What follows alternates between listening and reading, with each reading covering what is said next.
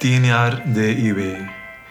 Iedereen is enthousiast over 10 jaar DIW, buiten Benny van der Mast, maar die gast heeft geen tv. Toch waar, hè? Ja, ik weet niet wat ik mis. Maar uh, proficiat.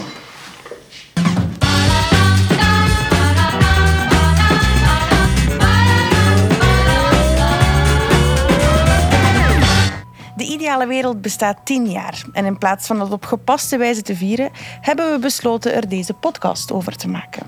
Ik ben Lieselot Boens en in DEW Jubilee praat ik tien weken lang met mensen die de voorbije jaren deel hebben uitgemaakt van de Ideale Wereldredactie.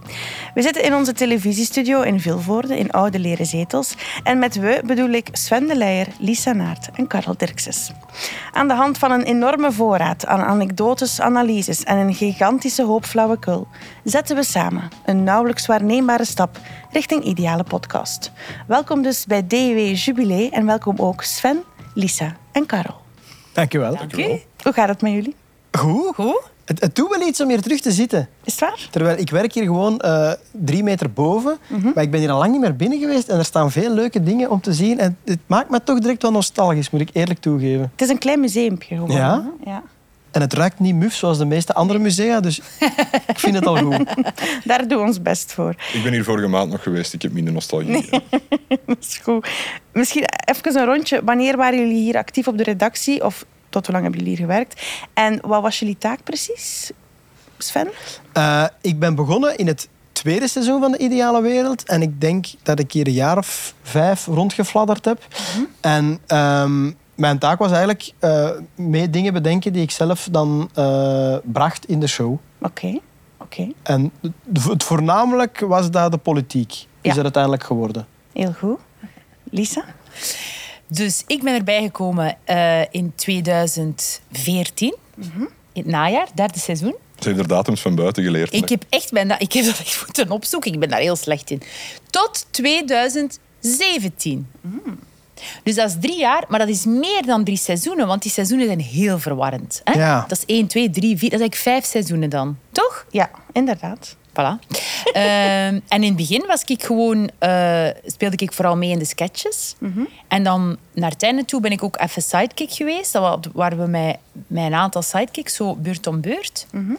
uh, maar ook wel nog altijd acteren en dan zo een keer af en toe een voxpop of een verborgen camera. Of met Luc uh, haakjes op de baan. Een beetje van alles eigenlijk. Een beetje van alles. Ja. Heel goed. En Karel? Ik ben begonnen als slaafje van de Sven. Dat is waar, dat is juist. Ik weet dat nog. In 14, ja, tot, tot nu. ik ben hier niet weg geweest, buiten met wat tussenposes af en toe. Uh. Nee, ja, ik, ben, ik, ik, ben begonnen als ja, echt slaafje. Ik deed alles met, de, met Sven de Leijer. Het, het leek ook wel vaak dat ik zijn slaafje was. Dus, allee, nee, dat is niet waar, hè? Oh. Hij was echt wel duidelijk de slaaf. Meen je dat? Ja, nee, ik mocht dus Sven mee naar de vergadering en ik moest buiten wachten om te horen wat er beslist was. Dat, dat, dat, dat is, toch, dat is de rolverdeling toch duidelijk zeker? Maar dat is ook omdat jij op een vergadering heel vaak het woord neemt als het niet nodig is. En ik denk dat ook... Het is een dagelijks programma, dus je moest altijd tegen een uur of tien... S morgens moest je wel weten. Wacht, nee, nee, nee. Maar het moest wel vooruit gaan. En dan was dat makkelijker. Hadden ze mij van eindredactie gevraagd van... Kun jij de Karel brieven? Dan winnen wij wat tijd. Ik zeg, geen enkel probleem. We hebben voor deze podcast verhalen verzameld van mensen die op een of andere manier hebben meegewerkt aan uh, dit programma. En die komen er doorheen de aflevering af en toe tussen. En vandaag is Dirk van den Houten, lange tijd eindredacteur van DEW geweest, de allereerste. De Sven was ene die, die samen met de Karel op onze redactie terechtgekomen. En uh, laat ons zeggen dat die in een drang om het goed te doen, dat er veel wordt overwogen. En dan wil ik het woord twijfelen niet gebruiken. dus die hebben er lang over gedaan om ineens hun, hun niche of hun, hun biotoop te vinden. Ik weet op een bepaald moment moesten wij die van de redactie buitenshotten en zeggen: Kom, dat is een goed idee, ga dat gewoon doen. En van het moment dat die daar dat parlement zijn binnengegaan, ja, dan was die vertrokken. Als je in het parlement iets... Uh, heel dat dossier van Uplace, dat was al maanden aan de gang en zo. En als wij daar ineens Uplaké van maken... Ja, en dat wordt in het parlement... Uh, beginnen ze ineens ook over Uplaké te spreken. Ja, dat wil zeggen... Allez, je bent, je bent, je bent met, met iets relevant bezig... En je doet er... En, en het is funny. Want dat was eigenlijk was dat iets uniek. Hè? Dat was de eerste keer dat dat gebeurde. Dat de, ja, de Sven die stond er bij de geboorte van de kleine van Charles Michel. Dus die, die ministers die kwamen uit hun meeting tijdens onderhandelingen over een nieuwe regering om verslag af uit te brengen aan, aan de Sven. Die zeiden soms iets tegen de Sven dat ze niet tegen de, tegen de echte journalisten zeiden. Dus dat was... Ik denk dat dat wel op een bepaald moment wel de succesnummers van Ideale Wereld waren. Dat zijn mooie woorden van Dirk. Maar dat is waar wat hem zegt. Wij waren, wij, waren, wij waren er met twee bijgekomen en wij waren heel zenuwachtig. Want wij dachten, ja, dat ideale wereld had wel wat een naam gekregen. als die deden zotte dingen. En, dus wij dachten, wij moeten ook, wij moeten ook zotte dingen doen. Want- En ik, ik weet nog, wij waren heel onzeker. En dan op de duur begon te marcheren met die politiek. En wij waren als enige bij Charles Michel geraakt.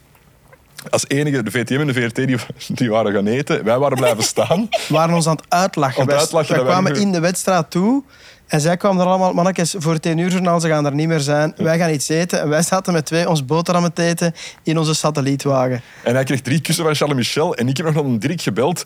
Ja, Dirk, ik weet niet of dat we iets hebben. We hebben hier, we hebben hier drie kussen gekregen van de toekomstige premier. Is dat misschien niet plezant? Dat hij zei, ja, tuurlijk, nu terugkomen. Zalig. En klopt het dat hij zei van...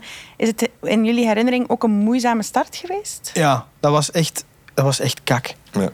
Omdat wij kwamen niet... Het was eigenlijk zo, de, de Jonas was gestopt, Jonas Geirnaert, eh, omdat hij eh, de dag ging eh, maken. Dus die had geen tijd meer. En eh, dan hadden ze gevraagd of dat ik iets wou komen doen. Maar eigenlijk waren wij samen met nog twee andere gasten aan een nieuw programma bezig. Maar ja, bon, uw bazen vragen van... Kun jij gaan depaneren bij de ideale wereld? En dan, was het eerst nog zonder de Karel. Ben ik nog met iemand anders eraan begonnen. Ehm, maar dat was, er was geen idee. Ja, de Jonas opvolgen, ik kan totaal niet wat de Jonas kan. Dus dat had geen zin. Maar ik, ik, ik wou dat ook niet.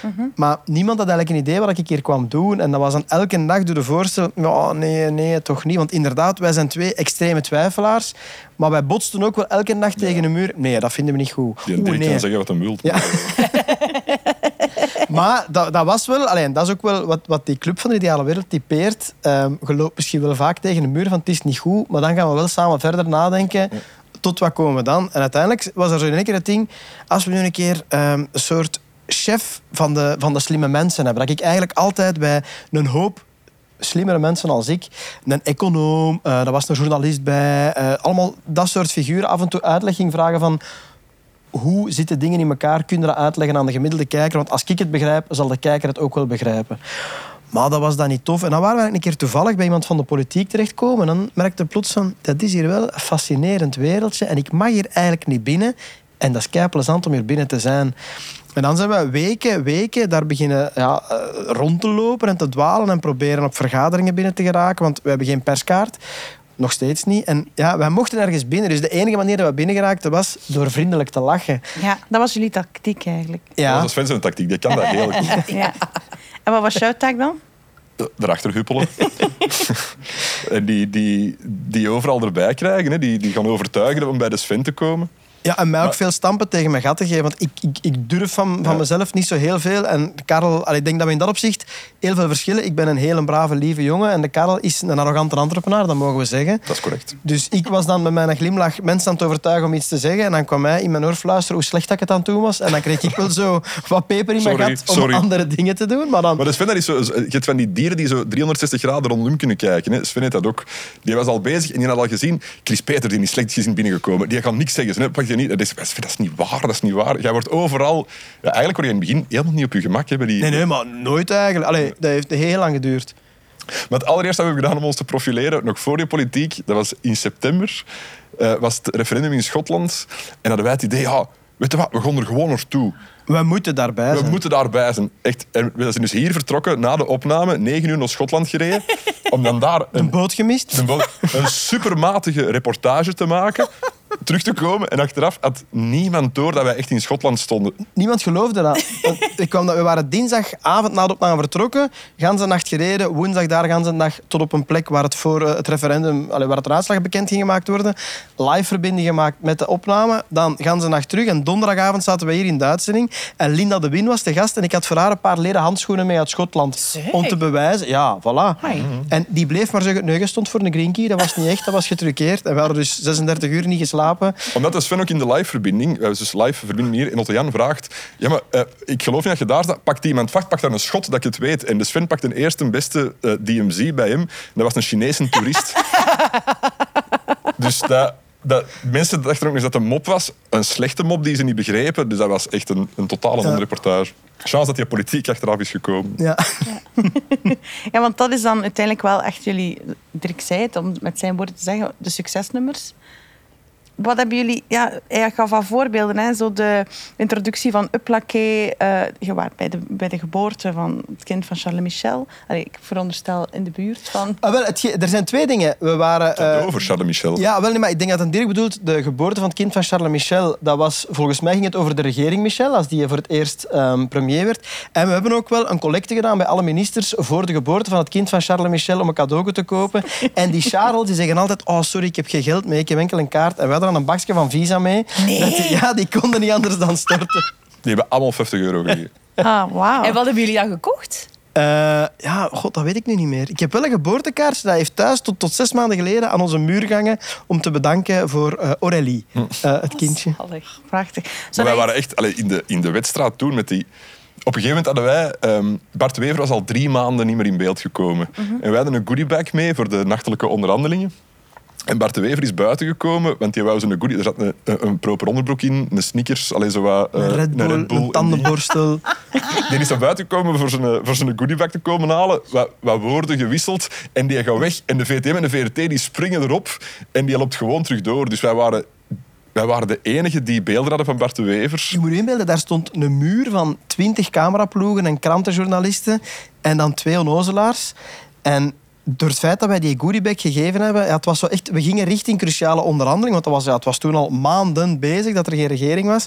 En in één keer komt die Bart de Wever naar buiten. Iedereen wordt zot. Dat is een soort stroboscoop van al die flashen die afgaan.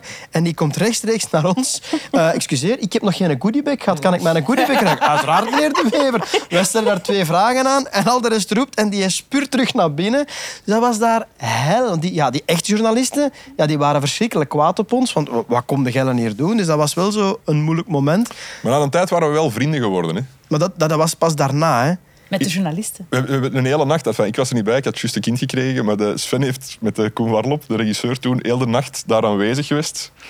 Johnny van Zevenand was jarig en die heeft toen getrakteerd met een zak pickles, dat weet ik ook nog. Party. Party, ja, dat dan stond het- een avond. Om de vier uur kwam er zo een nieuwe thermos van die een doordruk koffie. Dus als je wat chance had, had je nog juist een lauwe tas voor bij je picklechips te eten. Maar dat was eigenlijk... De, de Charles Michel was helemaal niet in de spotlights om premier te worden. Dat ging eigenlijk Chris Peters worden. En dat bleef zodanig lang duren dat je voelde, dat komt hier niet goed. En in ene keer werd er geopperd, zou het niet Charles Michel kunnen zijn? En dan waren de Karel en ik de Charles Michel gaan schaduwen. En wij stonden alle twee op een andere plek. En ik weet nog, ik stond aan het hoofdbureau van de MR, verstopt in mijn koffer met een klein cameraatje. Ja? Om- ja, ja, dat was... dat was- ah. Ja, ja, ja. Dat was, en anders is het verjaard. En, maar daardoor, ik had de Charles Michel daar twee, drie keer zien toekomen, om met mensen zien babbelen, maar ik had die in een auto gezien en zijn nummerplaat. Dus het moment dat hij dan een paar weken later, op de cruciale moment, in het geniep kwam toegereden met zijn Audi, kende ik zijn nummerplaat en zijn wij daarachter gelopen. En die was zo aangenaam verrast. We hadden ook al een keer bloemen gaan brengen. Wij, wij namen altijd een cadeau mee, dat werkte.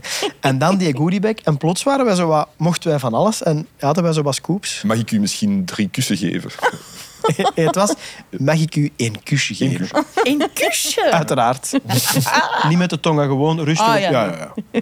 Zou, Hij dat iets, wou wel, ze. zou dat iets voor u geweest zijn, Lisa, om, om politici te interviewen?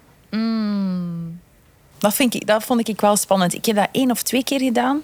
Ik vond dat wel spannend. Omdat ik, dat, ik, ben, daar wel, ik ben wel altijd zo'n beetje toch geïntimideerd daardoor. Ja, dat snap ik wel. En ook gewoon, ja... Je mocht dan zogezegd geen domme vragen stellen, maar eigenlijk moet je wel domme vragen stellen. Allee, dat is Ja. wel funny als je zo... Ja, ik weet dat niet. Ik zou toch ook wel tijd nodig hebben om daar comfortabel bij te zijn. Ja, dat snap ik. Maar de reden dat de Sven dat heel goed deed, eh, dat was ten eerste omdat dat een beetje onze biotoop was. Dat, wij, wij, wij leefden daar half in dat parlement. En de Sven die kan ook, jij deed ook altijd het eerste kwartier een verschrikkelijke uitleg. Dat je denkt van, ah, kom, doe naar voort, doe naar voort. We moeten dat vanavond hier dingen. Maar dan waren die mannen wel echt op hun gemak. En dan, dan begon jij ineens je ambetante vragen te stellen. Maar die hadden al een kwartier over hun thuissituatie mogen vertellen. En over hun dingen dat ons absoluut slim. niet interesseerden. Dat was altijd heel slim, ja. Maar dan werd ik dus ook wel echt doodgebliksemd door de karrel. Ja, je moest dat nog allemaal gaan bekijken en monteren tegen het Ja, ja. s'avonds af hebben. De, de... En hoe zagen jullie werkdagen er dan uit? Jullie waren daar heel lang en kwamen jullie dan nog naar Vilvoorde om alles hier Ja. af te werken? Ja, dus eigenlijk... Ene keer dat dat, het systeem zo wat duidelijk was, het is eigenlijk pas sinds dat Charles Michel zijn regering gevormd was, dat we het gevoel hadden, oké, vanaf nu ben ik de chef politiek van vier toen nog eh, in der tijd. En dat we daarmee uitpakken. Want ik heb zo nog in de, trouwens in de zevende dag ook een keer gezeten. En op eh, dingen, op eh, Dubai TV. Oh, Allee. Wij zijn naar het terrorismeproces gegaan om eh, was daar de max. verslag van uit te brengen. En plots kwam er zo'n... een- een- Wacht, wacht, wacht. We kwamen daar toe. Ja, maar wacht. We, we kwamen toe. Je hebt, dat was op het, justitie, aan het Justitiepaleis in Antwerpen. En je hebt daar zo dat groot plein daarvoor. En dat was volledig afgezet, want daar moesten de zendwagens staan. En je hebt dus een grote camion van de VTM, een grote camion van de VRT. En wij kwamen toe. We hebben hier zo een afstandse camionet waar stickers op hangen. eh, ideale wereld satellietwagen. En we hadden in het containerpark zeven of acht antennes. Dus overal waar wij toe kwamen voor het beeld, kroop er dan één van ons twee op de camionet. En met van die oogvijzen moesten we dan die antennes daarop zetten. En ik denk, die keer stond ik op het dak en de Karel geeft mij de satellieten aan. Wij mochten daartussen staan. En één keer roept hij mij, kom, kom, eh, je moet een interview geven. Ik zeg, "Eh, waarom? Het is voor Dubai TV. Doe maar. Ik heb gezegd dat ik een chef politiek van vier ben. En wij zijn op tv gekomen. Dat is nog altijd op YouTube. Je kunt dat opzoeken. Als chef Dubai politiek TV. specialist terreur. Dingen, specialist terreur. Dat was. Daar kwam er eh, Sven de Leijer, specialist terreur. En op zich was dat niet gelogen, want ik was specialist terreur van vier. Want toen was James Cook er nog niet. Dus allee, ik was echt specialist. Ja, ja. En ook daar waren de journalisten, de echte journalisten niet blij mee Eh, waarschijnlijk. daar hebben we wel wat... Allee, miserie is een groot woord, maar er was dan de dag erna een interview met de ehm, verantwoordelijke van ehm, de, ehm, Ah ja. de journalistenbond daar. ehm. Paul Deltour. Ja. ja, zoiets. en die zei van, die Sven de Leijer moet oppassen of we pakken zijn perskaart af. Maar wat Paul Deltour niet wist, was dat ik geen perskaart had. Maar, en ook, wat deden jullie dan zodanig fout dat die zo kwaad waren op jullie? Ja, onder andere uw eigen eh, chef terreur noemen. Ja, nee, dat is waar. Maar de- het probleem is dat Klein mijn, mopje. mijn Dubai is, niet zo goed. Dus ik had waarschijnlijk een slechte uit... Dubanees bedoel Eh, doe- ja, sorry, ja. Ja, maar uw charmes wonnen van de, Ja. van de serieuze vragen. Ja, van- het is dat. Dat kunnen ze toch niet kwalijk nemen? Zijn ze ook echt ooit boos? Hebben ze u ook persoonlijk daarover over aangesproken? Die politici? De, de journalisten? Gevoelde... Ja. Die van de VTM die was wel altijd slecht gezien. Zeker als die, die was dan een pizza gaan eten tussen de middag en wij, die kwam terug. En dan, ja, wij hebben eh, Charles Michel gesproken. Die was echt... Die, Die zei eerst, ja, ja, het zal wel. Nee, nee, hier zijn de beelden. dat en is ook zijn Chris Peters fout, en? Bart de... Oh, die was razend. En dan moeten maar geen pizza gaan eten, hè? En wij hebben... Nee, ja, maar die, ja, die, ik, ergens, natuurlijk, die mannen deden echt hun werk. En ik ook, moet zeggen, ja... En wij gingen altijd, wij lieten die altijd voorgaan. En wij, wij gingen altijd... Allee, wij waren heel respectvol, maar natuurlijk, als zij pizza gingen eten en een glasje wijn erbij, daar konden wij niet aan doen. Nee. Maar op een bepaald moment, dus ik heb daar de laatste 36 uur van de onderhandelingen, ehm, hebben we daar gestaan de hele tijd. En ehm, ondertussen waren er al twee afleveringen van de Ideale Wereld gepasseerd. En was een Otto Jan mij 's middags een keer eten komen brengen. Omdat wij hadden niks mee. We konden daar niet weg, want dat kon altijd gebeuren. Dus eens dat die zak picklechips van, de, van onze collega op was, moesten wij wachten op eten. En Otto Jan kwam dat brengen. Maar met iets te veel kabaal. En die eh, befaamde VTM-journalist was kwaad dat daar nog een zotteke van ons toe kwam. Dus die is aan bras beginnen maken en heeft een Otto Jan laten buiten zetten door de MP's wou dat ook met ons doen, maar dan zeiden die mannen van ja, Gelle, zei, Gelle hebt toen een ID afgegeven, eigenlijk doet Gelle niks mis, dus Gelle mag blijven. En dat was wel omdat wij er ook al maanden... Tuurlijk. Iedereen ging een goeiedag zeggen, eigenlijk gewoon beleefde jongens zijn, wat dat, allez, zo hoort het. Maar blijkbaar doet niet iedereen dat daar, dus gelukkig, iedereen kende ons daar ook wel. Maar was het dan niet soms ook gewoon honden saai? Ah ja, als je daar 36 uur staat en daar is twee keer iets gebeurd, hè, Echt? Ja, toch? En mist je het soms nog? keihard.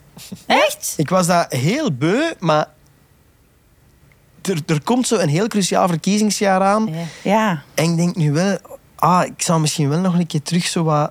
Weet je, dat was ook gewoon kei plezant. Eenzaam onze ik weg daar niet meer. Dat, was echt, eh, dat was minder plezant om die, al die Charles daar te krijgen. Ja, het probleem is, die hebben natuurlijk allemaal echt werk, die politici. En die woordvoerders...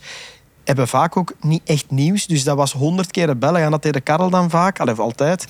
Ehm, en halve beloftes, foute beloftes, loze beloftes. Dus het was heel veel tijd en energie voor vrij weinig resultaat. Dat is ook de reden dat ik daarmee gestopt ben. Omdat dat, de Karel was er dan mee gestopt. En dan was er niemand vast meer om dat te doen. En dan had ik het wat te druk. En uiteindelijk, ik weet, ik heb nog één seizoen met de Jan Jaap meegedaan. En dan kwam ik één keer per week, denk ik. Maar dan was ik daar wel een week mee bezig. Ja, Ja, ja, En dan, dan wordt het wel... En zijn nu nog vrienden met Charles Michel? Ja, ik, ik heb met, met al die politici, als ik die tegenkom, die komen goeiedag zeggen, die komen babbelen. Ik ben vorig jaar nog naar de, het afscheid van Linda de Win geweest. Dat was op de Vlaamse feestdag. En dat was kei plezant om die allemaal te zien. En die komen ook allemaal... Want dat wil ik daar eigenlijk zeggen. Ene keer dat je in dat clubje zit, die woordvoerders die zie je nu staan en die komen elke keer als je daar bent zo wat verhalen droppen. Want Echt? je weet toch, die mannen van de CD&V, dat, Oh, en dat, en heerlijk. dat en dat. En bij de Open VLD, die en Bart Tommelijn, die heeft dit. En wij wisten alles. Wij wisten alles van iedereen. Dat was de max. Wauw. Prachtig. Daarnet hebben we eindredacteur Dirk gehoord, maar ik heb nog een eindredacteur klaarstaan. Eh Steve Verhagen.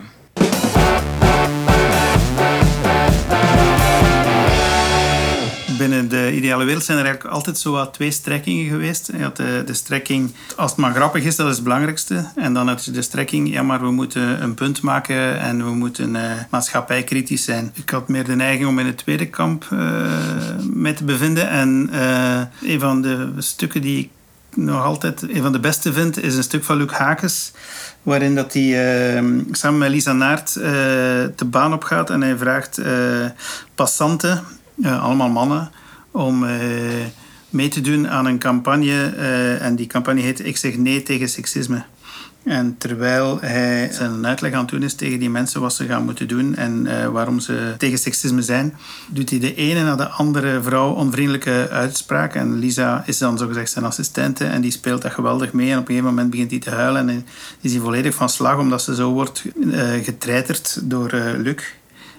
en al die mensen die staan daarop te kijken, eh, die, die reageren daar niet op. Of nog erger, die, die geven Luc gelijk of die gaan wat mee in zijn, in zijn commentaren. Om dan uiteindelijk kritiekloos het bordje vast te houden van ik zeg nee tegen seksisme. Heel grappig, heel pijnlijk, heel confronterend. En dat vind ik eigenlijk wel... Dat hoeft voor mij niet eh, elke dag zo te zijn in de ideale wereld. Maar als we dan af en toe zo'n stuk konden maken waarbij dat de vinger op de wonden werd gelegd, dan, eh, allee, dan was ik toch altijd wel een beetje blij mee. Dus dat is een stuk dat ik altijd wel eh, heb, ont- heb onthouden. Ja, dat was een heel populaire sketch. Eh, heb je daar veel reactie op gekregen toen? Ja, toch wel. Maar dat is vooral lang blijven verder leven zo. Dat dat- heb ik wel. Dat mensen daar, eh, zelfs nu soms nog altijd, dat dat wel is bijgebleven. Oké, oké, oké. Maar ja, dat was eigenlijk... Dat was niet echt een sketch eigenlijk, hè. Dat was gewoon echt. Allee. Dat was gewoon, oké, we gaan het proberen en zien hoe dat geeft. En dan, op een duur wordt het inderdaad wel gewoon zo grotesk dat bijna een sketch is. Ja. Ehm, Vond je dat plezant met de Luc meegaan? ja, ik vind dat wel tof. Ja? Ja. Want Ja, ik die, vind dat die wel kon leuk. zich, ik ben- ik heb dat ook vaak gedaan, die, die schaamde zich voor niks. Nee, niks. Dat is als- wel waar. als je, als je zelf je eerder van de, van de beschamende kant zit, dan is Ja. dat absoluut verschrikkelijk. Ja, maar ik heb daar ook wel bewondering voor. Ja, maar ja, dat wel. oh, eh, eh, eh, soms, je zit gebalanceerd soms wel. Ik had dat bijvoorbeeld... Maar misschien moet ik het eerst nog over dit, dit hebben. Maar ik heb dat met momenten ook wel gehad dat ik dacht... Dit is echt te erg voor die mensen. Dat kun je toch niet maken? Dat is altijd zo'n beetje het randje waarop dat gebalanceerd wel. Ja. Ehm, maar bij zoiets als dit heb ik dat niet. Omdat ik denk van ja... Zo zie je maar weer, hè. ja. Jongens, hè? Ja, ja. Zijn er ook niet, hè. Ja. Ehm, Maar zo mensen op straat aanspreken, en of Luc nu mee is of niet, je doet dat wel graag. Zo verborgen Eh, camera, zei je daarnet ook al. Ik, wat ik, ik, doe, ik, doe dat, ik doe nog liever als dat een verborgen camera is. Omdat je wel merkt, ja, mensen zijn uiteindelijk... Wat, dat, wat, dat, wat, dat je, wat dat je ziet als je een goed film hebt, dat is het resultaat van 250 mensen aanspreken, waarvan dat er 240 zeggen, nee, dank u. En dan, hè, dus dat is wel... Je moet daar ook zo wel wat geluk bij hebben. Ehm, en ik vind dat op zich niet erg, omdat ik, ik, ik ben niet beschaamd of zo. Ik durf iemand wel eh, een, een, eh, een gênante vraag of een rare vraag stellen. Maar ehm, het feit dat er dan zo'n camera bij is, je ziet mensen zo heel vaak al zo een beetje terugdeinzen van oei, ja, wat gaat dat hier zijn? Ze zijn op hun hoede. Terwijl als je een verborgen camera hebt, dan heb je dat niet. Je bent ook helemaal alleen. En dat vind ik eigenlijk nog toffer. En wat, heb je een voorbeeldje van toen dat je dat gedaan hebt? Dat je dat... Ehm, ik heb dat een paar keer gedaan, maar ik herinner mij dat ik een keer moest eh, op het gemeentehuis een, ehm, Ah, met die nummerplaat. ja, een gepersonaliseerde nummerplaat aanvragen. Ja. En dat was, de regisseur was uiteraard wel mee, was Jelle Gordijn. Dus die zat dan, maar die zat dan gewoon te, te wachten, hè, alsof dat hem ook gewoon iemand was die daar iets kwam doen. En ik had, ik denk dat dat een pakje sigaretten was. Dat ik een pakje sigaretten mee had, waar dat hij een GoPro in zat. En dan moest ik dan zorgen dat dat wel wat goed stond. Maar weet jij dat nog wel? Ik De, weet de niet sketch, meer de sketch was, een gepersonaliseerde nummerplaat kostte 1000 euro. Ik moest maar uw naam laten veranderen kostte niks. Dus jij ging naar de gemeente om te vragen dat je uw naam mocht veranderen in 1 CPQ 454. Ah, dat was ik al vergeten. Dan, dan hadden ze een gepersonaliseerde nummerplaat. Dat was... eh, Maar ik weet wel dat die... Dat vind ik dan wel, wel wijs. Omdat je ziet, in het begin zijn die mensen... Die zijn gewoon een job aan het doen. Die denken, ja... En dat begint zo lichtelijk te ontsporen. Omdat je weet, oké, daar ben ik naartoe aan het werken. En de reactie die je dan hebt, dat is wel de max. Omdat ik weet dat het op die camera staat. En dat, maar zij weten nog niet. En dat, dan vind ik, daar kan ik er wel echt... Dat heb ik er wel echt mijn plezier in. Dat vind ik wijs. En heb je een voorbeeld van het zotste wat je ooit iemand hebt wijsgemaakt? Ja, ik denk dat dat wel echt was met die... Van, dat ik, zo een, ik was dan een Amerikaanse expert van Microsoft. En ik was dan mee met Luc. En Luc eh, kwam dan kijken of dat er eh, een computervirus op mensen hun computer zat. En indien wel, wat natuurlijk altijd het geval was, dan moest ik erbij gehaald worden uit de camionet. En dat is bij moest mensen jij thuis. komen ontsmetten zo met die... Dat was echt... Dat was bij mensen thuis dat, was jullie bij aan. mensen thuis. En ik had dan zo'n volledig wit pak aan en zo'n masker. Super erg. Je ziet er zo twee bejaarden staan, die lukt met een uitstreken gezicht. En zij kwam dan Een gifvolk een spuiten. gifvolk spuiten, dat heel die hun living vol met dingen. Ja, ja, als het moet, dan moet het. Hè. Dat- Ja, en ook echt zeggen van, dan moest ik zeggen van, allee, ik moest dat niet zeggen, maar daar zat dan een kind bij. Dus ik zei van, are there any small animals or children in the house? En, en die vrouw zei, ja, we- die kleine, uh, they have to leave immediately because it might be contagious. Allee, ga naar daar, ga weg. Dan zo direct die om en, dat, en dan denk ik, oh, dan breekt mijn hart ook een klein beetje. Maar je weet dat dat wel heel grappig gaat zijn. En dan moest ik heel die keuken afspannen met zo van dat lint, met wit-rood lint. En zeggen van, jullie mogen hier zeven dagen niet meer binnen. En die mensen waren echt van, en waar moeten wij dan eten? En die waren echt ja, aangedaan daarvan. Ja, ja, ja. Maar dat, dat vond ik wel... eh, omdat je ook heel de tijd toch denkt van, maar dit kunnen nu toch niet geloven? Dat kan nu toch niet? Serieus. Ik ben eens met de Luc meegegaan en het, was, het ging over thuiswerken. Ja. En de Luc ging dus bij de mensen... Thuiswerken wordt steeds populairder, dus ik kom bij u thuis werken. Dat weet ik precies nog. En dan zit hij, ik was mee als redacteur, maar er dan, een van de dingen was dat hij vroeg van, mag ik even naar het toilet? En die ging gewoon een kwartier weg. Maar wij moesten ondertussen blijven staan en in die mensen hun ogen kijken. En ik kon dat niet. Ik kon dat niet. Ik, ik, ik moest op de muur kijken. Weg van die dingen. Ik kon die mensen hun blik niet... Die hadden juist ook heel hun alles leeggemaakt, dat die er rustig kon werken. En zo, dat deed hij, dat kon niet. Omdat je zegt over een kwartier op het toilet. We hebben zo een bepaald seizoen.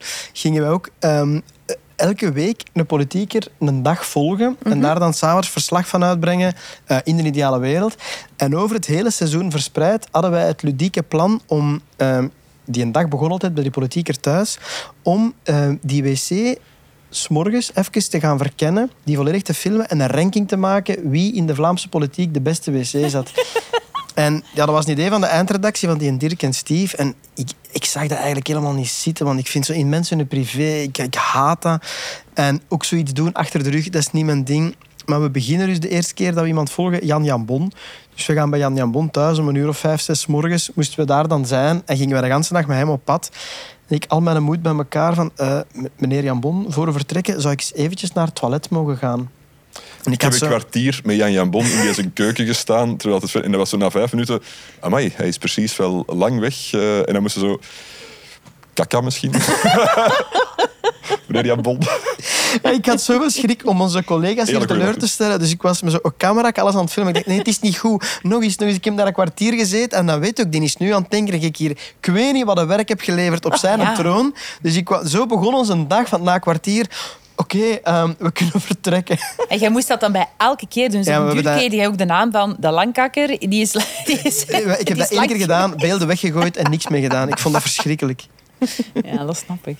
In welk kamp zitten jullie trouwens? In als het maar grappig is of als het maatschappijkritisch is? Die discussie hebben we al negen jaar gevoerd. eh, dat, ik weet dat. Maar jullie persoonlijke mening? Eh, In de twee, ja. Liefst alle twee, hè, zo, dat we met actualiteit te maken en dat grappig is. Ja, want jij bent ook eindredacteur geweest. Wat moet een eindredacteur juist doen? Eh, wat moet je juist doen? Ja, ehm, er van s morgens tot s avonds bij zijn. Hè. Ja. En eh, van s morgens de, bepalen welke ideeën dat, dat goed genoeg zijn om, om te laten doorgaan. En, eh, ja, en dan zien en dan de hele dag zenuwachtig zijn in de hoop dat dat goed komt. En dan eh, beslissen als het niet goed komt wat we nog mee doen. Ja, en daar is toch zo dat evenwicht vinden tussen dat maatschappijkritische en gewoon de toffe, plezante dingen. Ik denk dat dat het meest cruciaal is bij Zo, deze maatschappij kritisch programma. is altijd heel goed, maar dan moet je wel een goed punt hebben en er goed op zitten. Als je dat niet hebt, dan kunnen we maar beter zorgen dat het grappig is. Dat is wat de... ja. Maar jullie waren hier alle drie gelijktijdig, toch? Ja. Ja. Wij zaten op de achterste bank van de redactie. En ik wijs nu naar daar, omdat dat gewoon van achter is. En ik weet, Lisa en ik hebben heel veel tegen elkaar... Allee, o- ook mekaars leven leren kennen. Want wij kenden elkaar voor die niet. Wij zaten altijd aan hetzelfde bureau.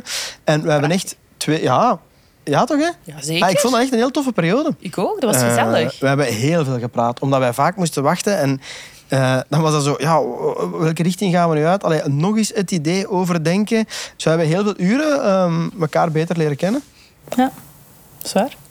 En de Karel zat daar ook, hè. Ja, Maar die kende ik al heel goed. een idee eigenlijk. ja. De Karel en ik, We hebben Lisa nooit gepraat.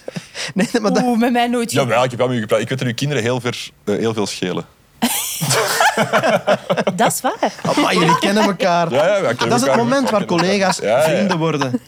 Zo dat is een ideale wereld, hè. Dat is een ideale wereld. Je hebt niet het gevoel dat je hier werkt. Wat ik mij nog goed herinner uit die bureau, trouwens, een kleine fun fact, is dat Sven elke dag een groene appel eet, een Granny Smit, elke dag op de desk. En Karel, die laat zijn kleren op zijn bureau toekomen. Dus uw vriendin bestelde dan online kleren en dat kwam dan in een pakket op uw bureau. En jij deed dat nooit open, wat ik heel frustrerend vond, want ik wou altijd weten wat daarin Ah, ja. Nee, ik heb wel eens voor kerstmis eh, voor mijn liefste een pot besteld met zo een, een oor- soort oerwoud in hier op de ideale wereld. Super attent. En dat was, zo, dat was zo nogal te stevig door elkaar geschud. Dat was eigenlijk gewoon een pot slijk dat ik had eh, gekregen. dus dat ik dan Moraal met kerstmis. Prachtig. Hallo, ik ben Lennart van Compact Disc Dummies. Eén helft. Janus Korevits, mijn broer, is de andere helft. We zijn eh, betrokken bij de ideale wereld sinds ongeveer september 2018. Gestart als huisband en dan gepromoveerd tot eh, sidekick. En ehm één heel grappige anekdote, of wat dat voor mij toch heel veel stress eh, mij heeft bezorgd, was toen dat wij werden opgebeld van... eh, kijk, Thomas Huijen had een interview gepland met de Rode Duivels. Hij ging een soort satirisch iets maken, zoals dat we hem kennen. Maar Thomas Huijen is ziek, hij heeft iets verkeerd gegeten of zo. En ik kan niet morgen. Willen jullie naar Tubeke rijden morgen en de Rode Duivels interviewen en daar dan een nieuw item rondmaken, iets met muziek? En wij zo, eh, ja oké, dat is goed. Enige probleem, wij kennen niets van voetbal, maar echt niets.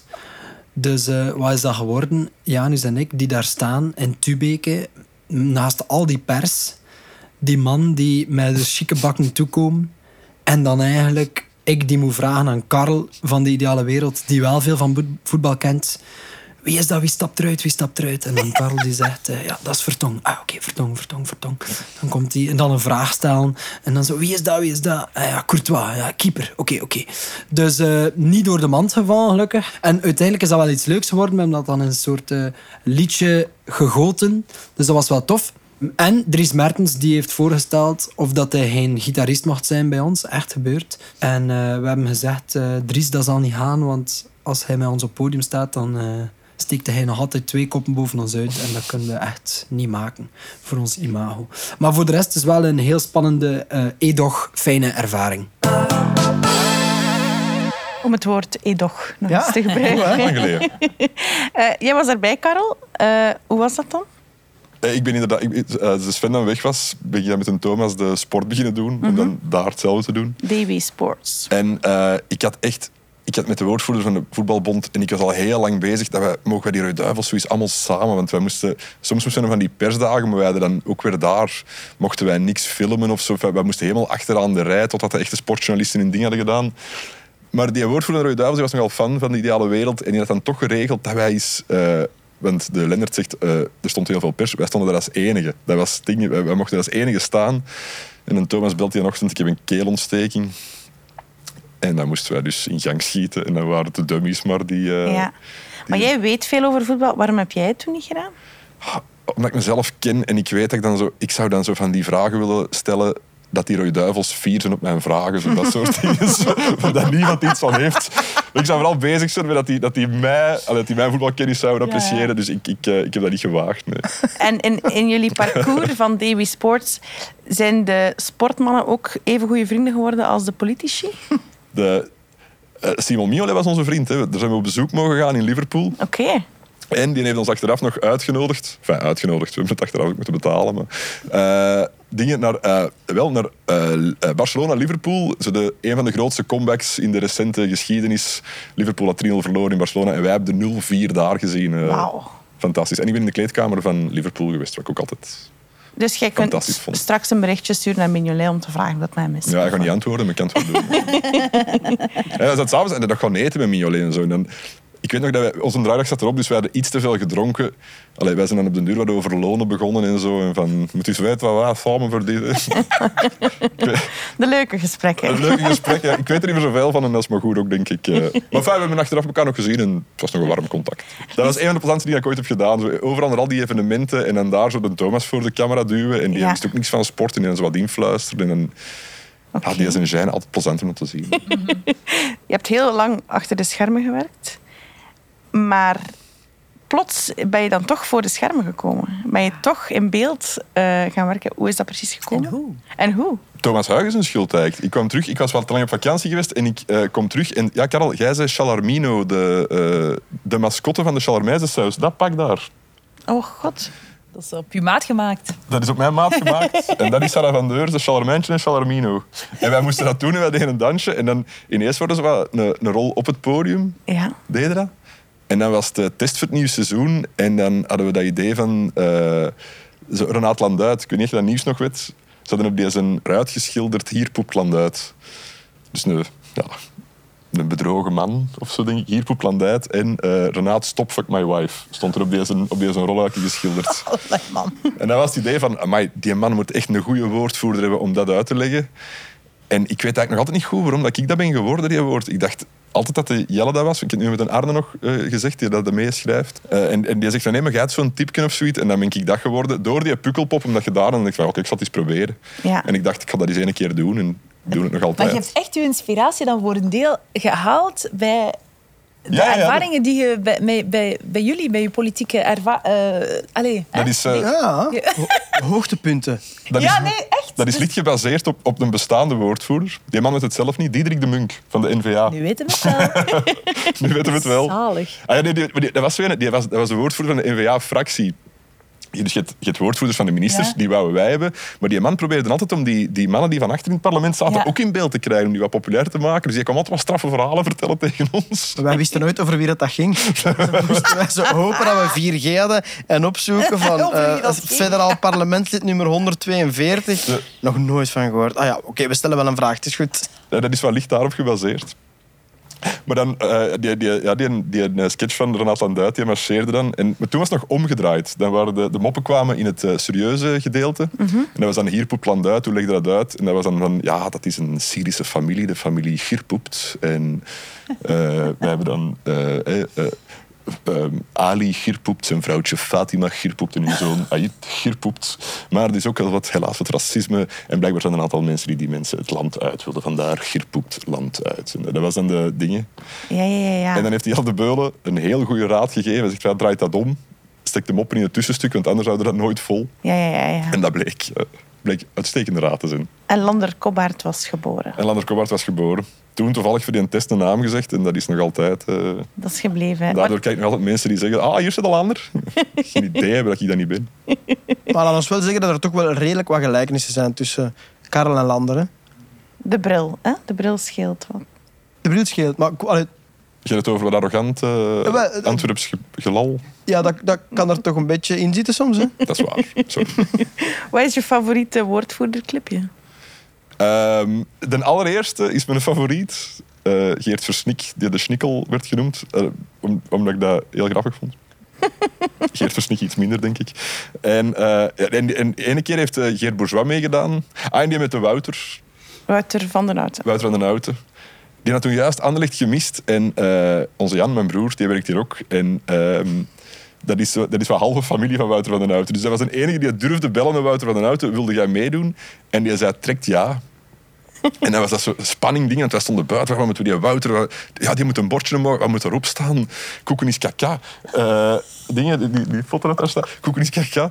En ik had dat dan nog zo omgekeerd aan de Wouter gegeven. En ik dacht, ja, die gaat dat, de hoop dat hij dat zou dingen. Die dacht van, die gaat dat toch zeker afkomen. En die leest dat. Dat is goed, ik zal dat doen. Eh. en twee minuten later stond hij met koeken is kaka. Dat was overal in het nieuws. En Geert Bourgeois, dat was goed. Want die was, ik was echt was zenuwachtig. Want ja, de, de mop was van, die is zo grijs dat je die nooit nergens ziet staan. Maar ik durfde dat tegen Geert Bourgeois niet zeggen. Dus ik heb die dan nog zo... De Sven zijn een truc. Dus die eerst wat bejubeld in beeld. Om dan rap, rap die moppen er, erin te smijten. En dat over te houden. Geleerd van de Sven. Geleerd van de Sven. Ja. Ah. Maar jij kent intussen toch alle woordvoerders van ons land? Maar die veranderen heel veel. Ja, dat is wel waar. Ja. Ik heb al gemerkt dat die, als je nu nog eens probeert, dat die dikwijls helemaal andere jobs hebben. Ja, ja, ja. Ik heb wel eens een prijs mogen gaan uitreiken op de nacht van de woordvoerder, aan de woordvoerder van het jaar. Dat staat dat. Ja, dat is de enige keer dat ik mijn wereldster heb gewaad. Er stond een rij om selfies bij mij. Dat waren allemaal, ja, allemaal woordvoerders. En die kwamen zich allemaal voorstellen van hallo, ik ben de woordvoerder van de zo. Hallo, ik ben de woordvoerder van daar en dingen. Als je ooit iets nodig hebt. Maar dat zijn woordvoerders veel beloven. Ik heb daarna een paar keer geprobeerd, juist niks gekregen. En tot slot heb ik nog een herinnering van vice-minister-president van de Vlaamse regering en Vlaams minister van Welzijn, Volksgezondheid en Gezin, Zoals de mier. Hilde Krevits. Oh,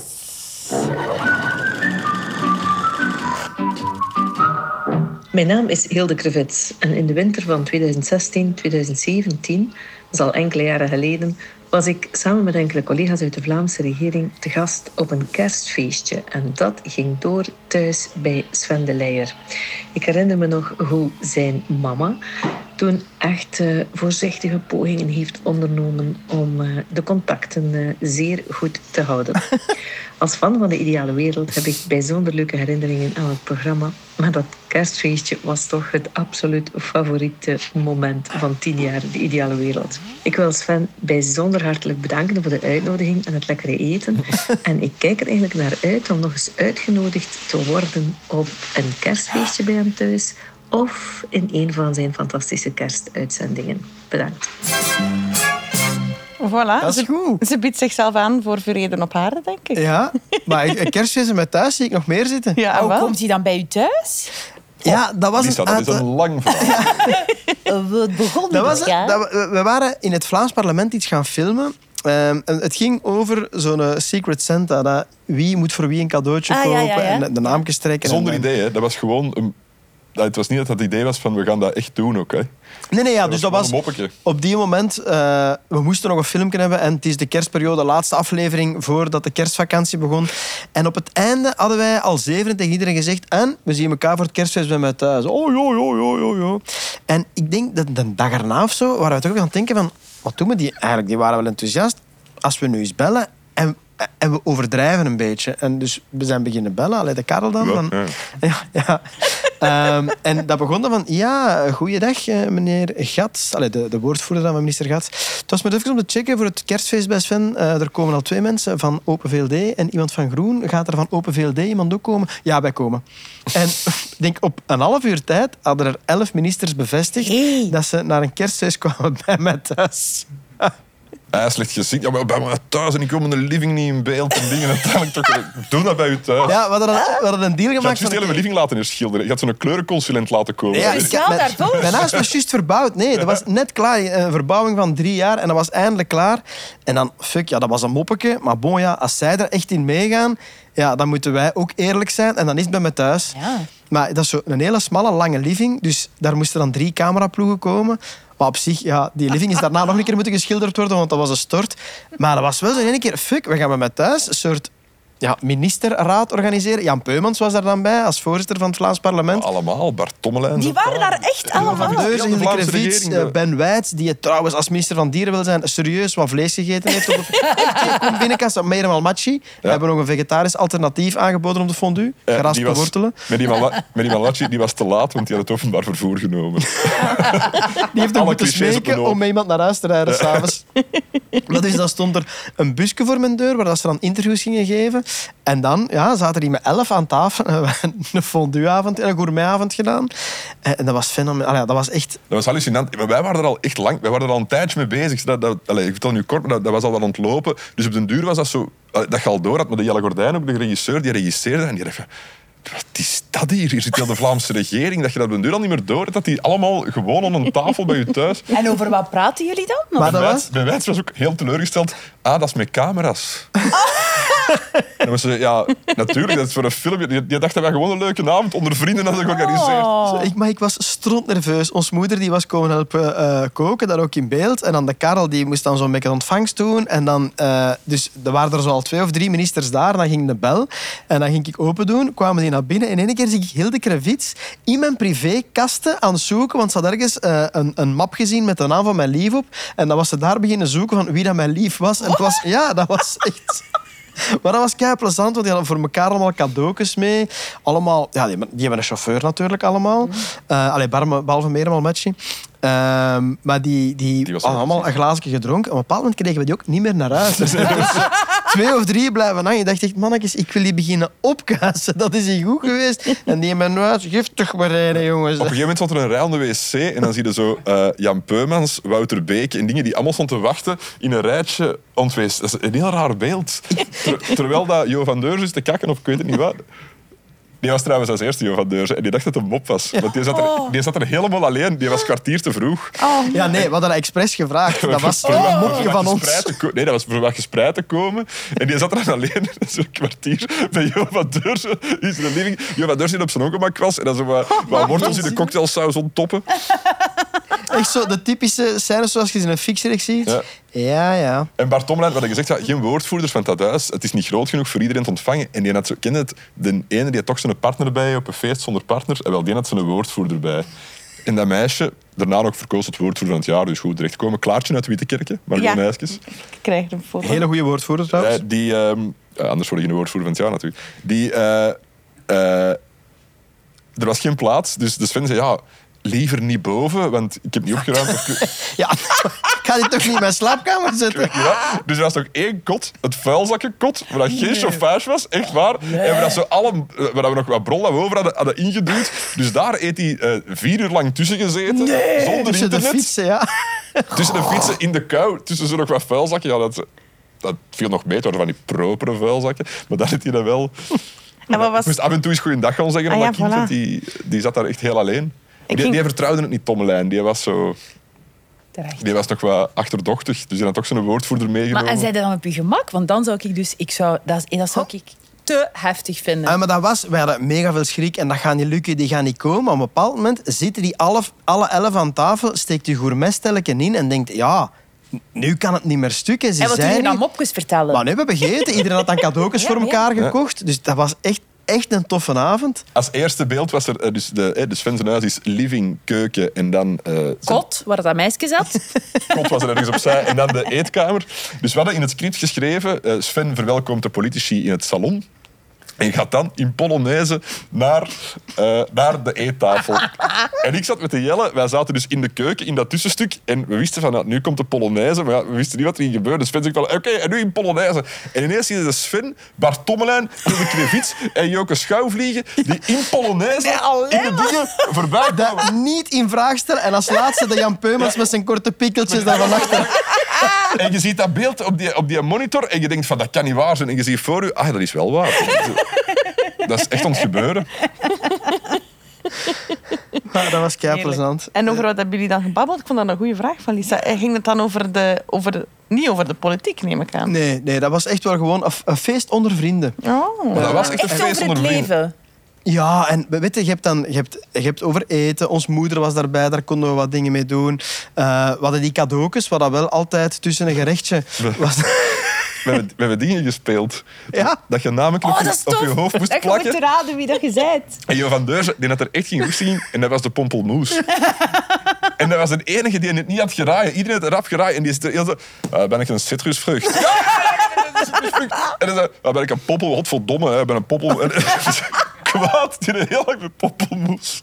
Ik En is die blij naar huis vertrokken dan? Maar die, heeft wel, die zei wel van, ja, dat is echt niet mijn Ja, ding. Die snapte dat, maar die, die Maar zegt waarom, van... waarom kwam die dan? Ja, ja, Iedereen kwam. als iedereen kwam, ja, dan... Je je wilt ook niet de saaie zijn die niet komt, maar die zei daarna wel van, mannen, ik ga dat niet meer doen, sorry, ik voel me daar niet goed bij. En dan hebben we ook altijd gerust gelaten de keren daarna, maar al de Er rest... zat er alleen Bourgeois, denk ik. Was die toen baas? Ja, nee, omdat het borstelkot was vol bij ons. Dus nee, nee, maar ja, ik denk niet dat die het zag zitten. Maar ja, het waren er elf, dus ja, alle ministers van toen waren er. Dus dat was, dat was wel echt heel plezant. Dat was toch een beetje de kers op de taart van jullie, van jullie rubriek, toch? Ik vond dat wel het tofste. Ja, ja, dat was wel echt indrukwekkend. Dat waren vier afleveringen eh, dat we daarmee gemaakt hadden. Dus dat was, ja, dat was wel echt tof. Dat was vooral achteraf. Tof. Ja, Ja, is dat gelukt? Respect. Ja. Dat was dan eigenlijk ook een beetje inspiratie voor Vrede op Aarde. Om dan... Eigenlijk wel, ja. De, want niet zoveel later, want dat was dan uitgezonden ehm, de eerste week van januari, als we terug met het seizoen begonnen. En ik denk een maand later of zo vroeg de VRT aan mij om een jaaroverzicht te maken. Ehm, en het eerste idee was dan eigenlijk van, kunnen we niet, wat we bij mij thuis hebben gedaan, eh, in een chalet in Dardenne doen, maar dan met publiek erbij. En dan is dat ja, nog honderd keren van idee veranderd. Maar zo mensen wat uit hun context trekken Ja. en daar dan kerstmis mee vieren en elkaar wel leren kennen, was daar zo wel een van de eerste bouwsteentjes van dat programma. Zie een keer. Maar, maar ik onthoud wel dat Hilde Krevits net heeft gevraagd om nog eens bij mij thuis kerstmis te komen vieren. Ja. Dus we kunnen wel afspreken, als alle andere Vlaamse ministers ook willen komen, en eventueel de federalen ook, dat we het doen, hè, Tuurlijk. dan, dan doe ik het nog eens. En Mag het is- Pasen zijn ook. Lang, hè? het is het einde van de legis- legislatuur, dus die kunnen vrij vertellen allemaal. Hè. Ik laten gaan. Ja, en Mogen wij mis- ook komen? Natuurlijk. Ik ga niet alles alleen opdienen. Hè. Eh, Sven Gats moet wel meer sabayon maken dan de vorige keer. Die was een beetje gierig geweest. Die had maar zes potjes mee. er waren tien gasten. Die dat tegen ons liggen stoeven dat, Dat hem ook zo goed sabayon kon maken. Oh, maak maar. Dat is iemand van Deurzen moest aan de helft van Joke Schouwvliegen opeten, want die moesten delen. ik had weer nog een tweede lepeltje gaan halen toen. Ik weet, het, heeft heel lang, het heeft heel lang geduurd voor we aan het dessert mocht, konden beginnen. Want elke keer opnieuw zeiden eh, Ben Wijt... Ik ga toch nog een stukje vlees opleggen. En die bleef maar die net, ik denk, 400 gram een biefstuk binnengezabberd. Ik denk dat deze aflevering er bijna op zit. We gaan de goede herinneringen die hier vandaag opgehaald zijn... proberen zoveel mogelijk terug op YouTube en op VRT Max te krijgen. Bedankt voor jullie tijd. Sven, Lisa en Karel. Graag gedaan. Dank je wel om te luisteren. En tot de volgende.